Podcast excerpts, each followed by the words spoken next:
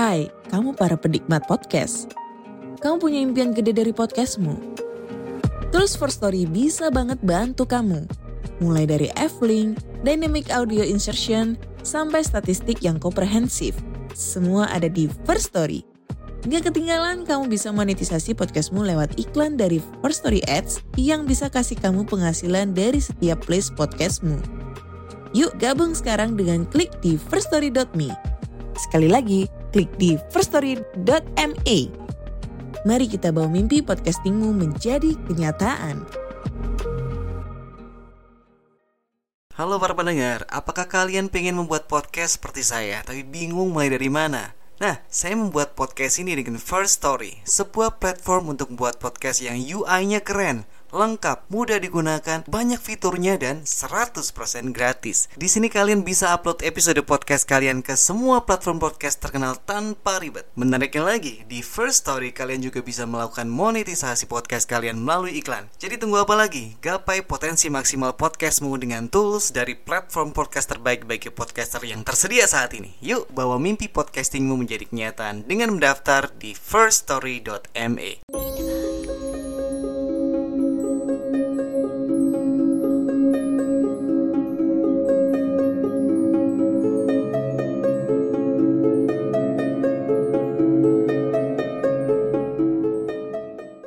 Selamat malam dan selamat datang kembali Sobat Rumah Horor Indonesia. Kembali lagi saya Denny, narator RHI Menjumpai kalian untuk membacakan sebuah cerita horor di malam hari ini. Di kesempatan kali ini kita kedatangan sebuah cerita mengenai perempuan yang pernah mengalami raga sukma.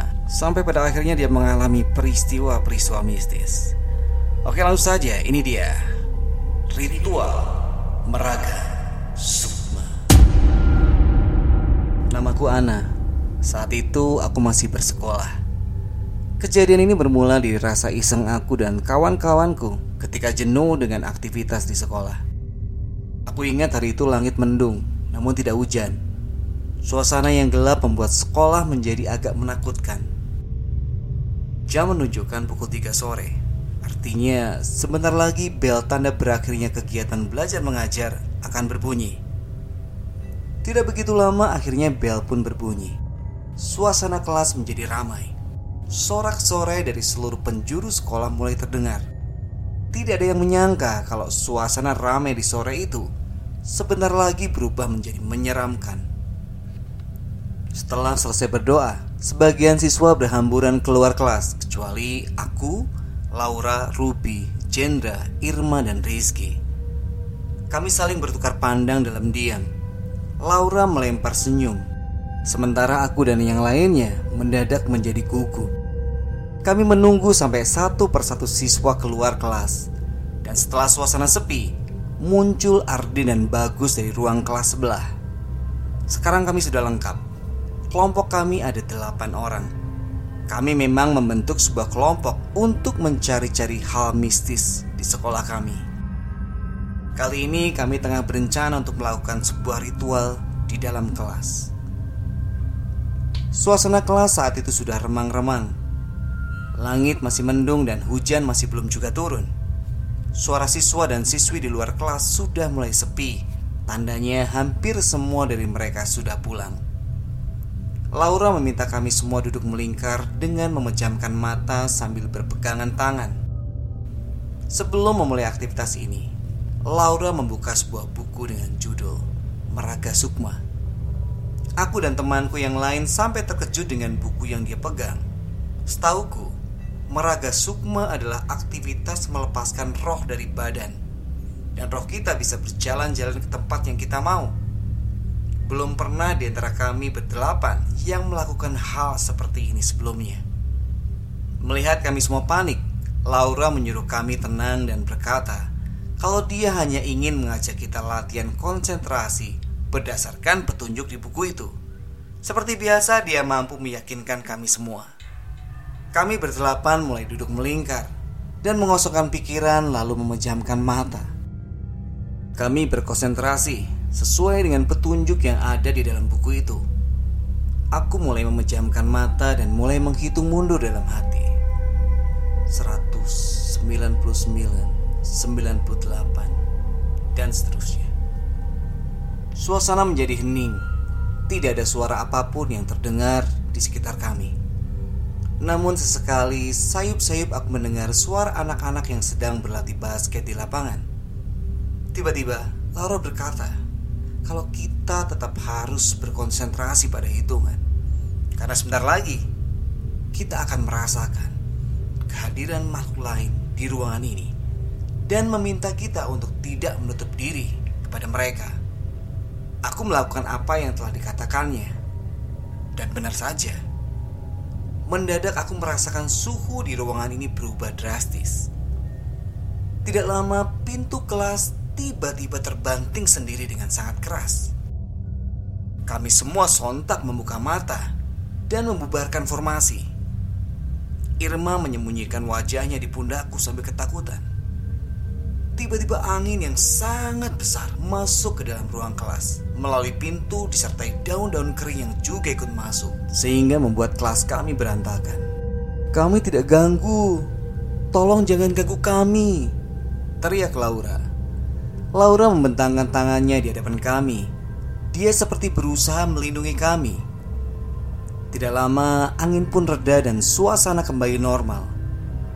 Kami semua berpandangan satu sama lain dan memutuskan untuk menghentikan ritual tersebut. Kami pun kemudian beranjak untuk pulang ke rumah masing-masing. Aku berusaha untuk tidak serius memikirkan kejadian sore itu. Pintu yang terbanting tadi, kuanggap hanya angin biasa dan hanya kebetulan saja. Karena kelelahan, ketika sampai di rumah, aku langsung mandi dan tidur di atas ranjang. Tapi yang kurasakan, ada yang aneh dengan kamarku. Seakan ada aura berbeda yang mengisi ruangan itu. Namun aku tidak memperdulikannya Dan tidak lama kesadaranku mulai hilang dan aku pun tertidur. Aku mendadak bangun ketika tiba-tiba aku merasakan ada suatu benda berat menindihku. Aku berusaha sekuat tenaga untuk bisa lepas dari tindihan itu Namun itu sangat sulit. Aku terus berusaha dan berdoa Hingga tidak berapa lama Akhirnya aku bisa terbebas dari tindihan itu. Aku terduduk sambil memandangi jam yang hampir menunjukkan pukul 11 malam. Suara dentuman jarum jam begitu jelas terdengar di telingaku. Aku pun kembali memejamkan mata. Tapi belum lama aku terpejam Tiba-tiba sesuatu kembali mengusik kenyamananku. Kali ini badanku kaku Tidak bisa digerakkan Aku berteriak tapi suara yang ingin kukeluarkan teredam dan hanya memantul di dalam otak. Aku pun berusaha untuk berontak. Sedikit demi sedikit aku berusaha menggerakkan tangan dan kakiku. Namun semua itu terasa sulit. Aku pun berdoa dalam hati, meminta kepada Tuhan supaya aku dibebaskan dari gangguan itu. Akhirnya dengan susah payah, tanganku perlahan-lahan berhasil aku gerakan dan bisa menyentuh sudut ranjang. Namun tiba-tiba tanganku menyentuh sesuatu yang aneh. Setelah kulihat, itu adalah sebuah wajah pria berbalut kain putih yang tanpa kusadari tengah tidur telentang di sebelahku. Wajahnya hancur. Dari bagian pipi dan lubang hidungnya keluar belatung yang sangat menjijikan. Dan baunya yang sangat busuk itu seperti bau bangkai. Bau ini membuatku seakan ingin muntah itu pocong. Dan aku berteriak minta tolong. Namun, tiba-tiba semuanya menjadi gelap. Entah berapa lama aku pingsan, aku tiba-tiba tersadar dengan keringat dingin membanjiri tubuhku.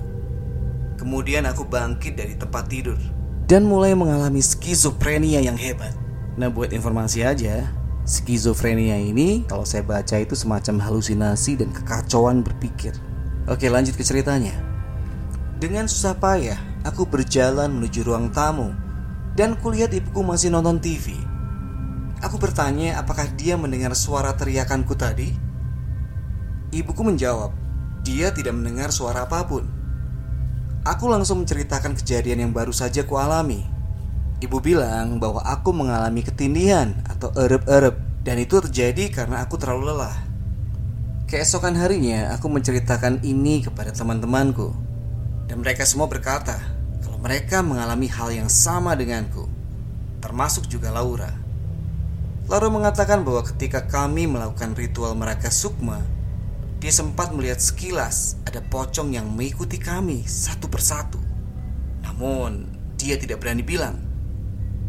Sejak saat itu, aku tidak mau lagi mengikuti ritual-ritual mistis. Aku dan juga teman-temanku akhirnya membubarkan diri dan tidak pernah lagi mencari hal-hal mistis di sekolah. Oke, itulah akhir dari cerita horor kita di malam hari ini. Memang ya, sebaiknya kita tuh nggak usah cari penyakit gitu ya. Coba-coba ritual, apalagi di tempat-tempat seperti di sekolah, di rumah kosong, nggak usah lah yang kayak gitu kayak gitu. Kalau kalian punya cerita mistis atau pengalaman mistis, bisa kalian bagi di denny.tristanto1104 at gmail.com Semoga kalian terhibur dengan cerita tadi. Sampai ketemu di cerita berikutnya. Selamat malam, selamat beristirahat.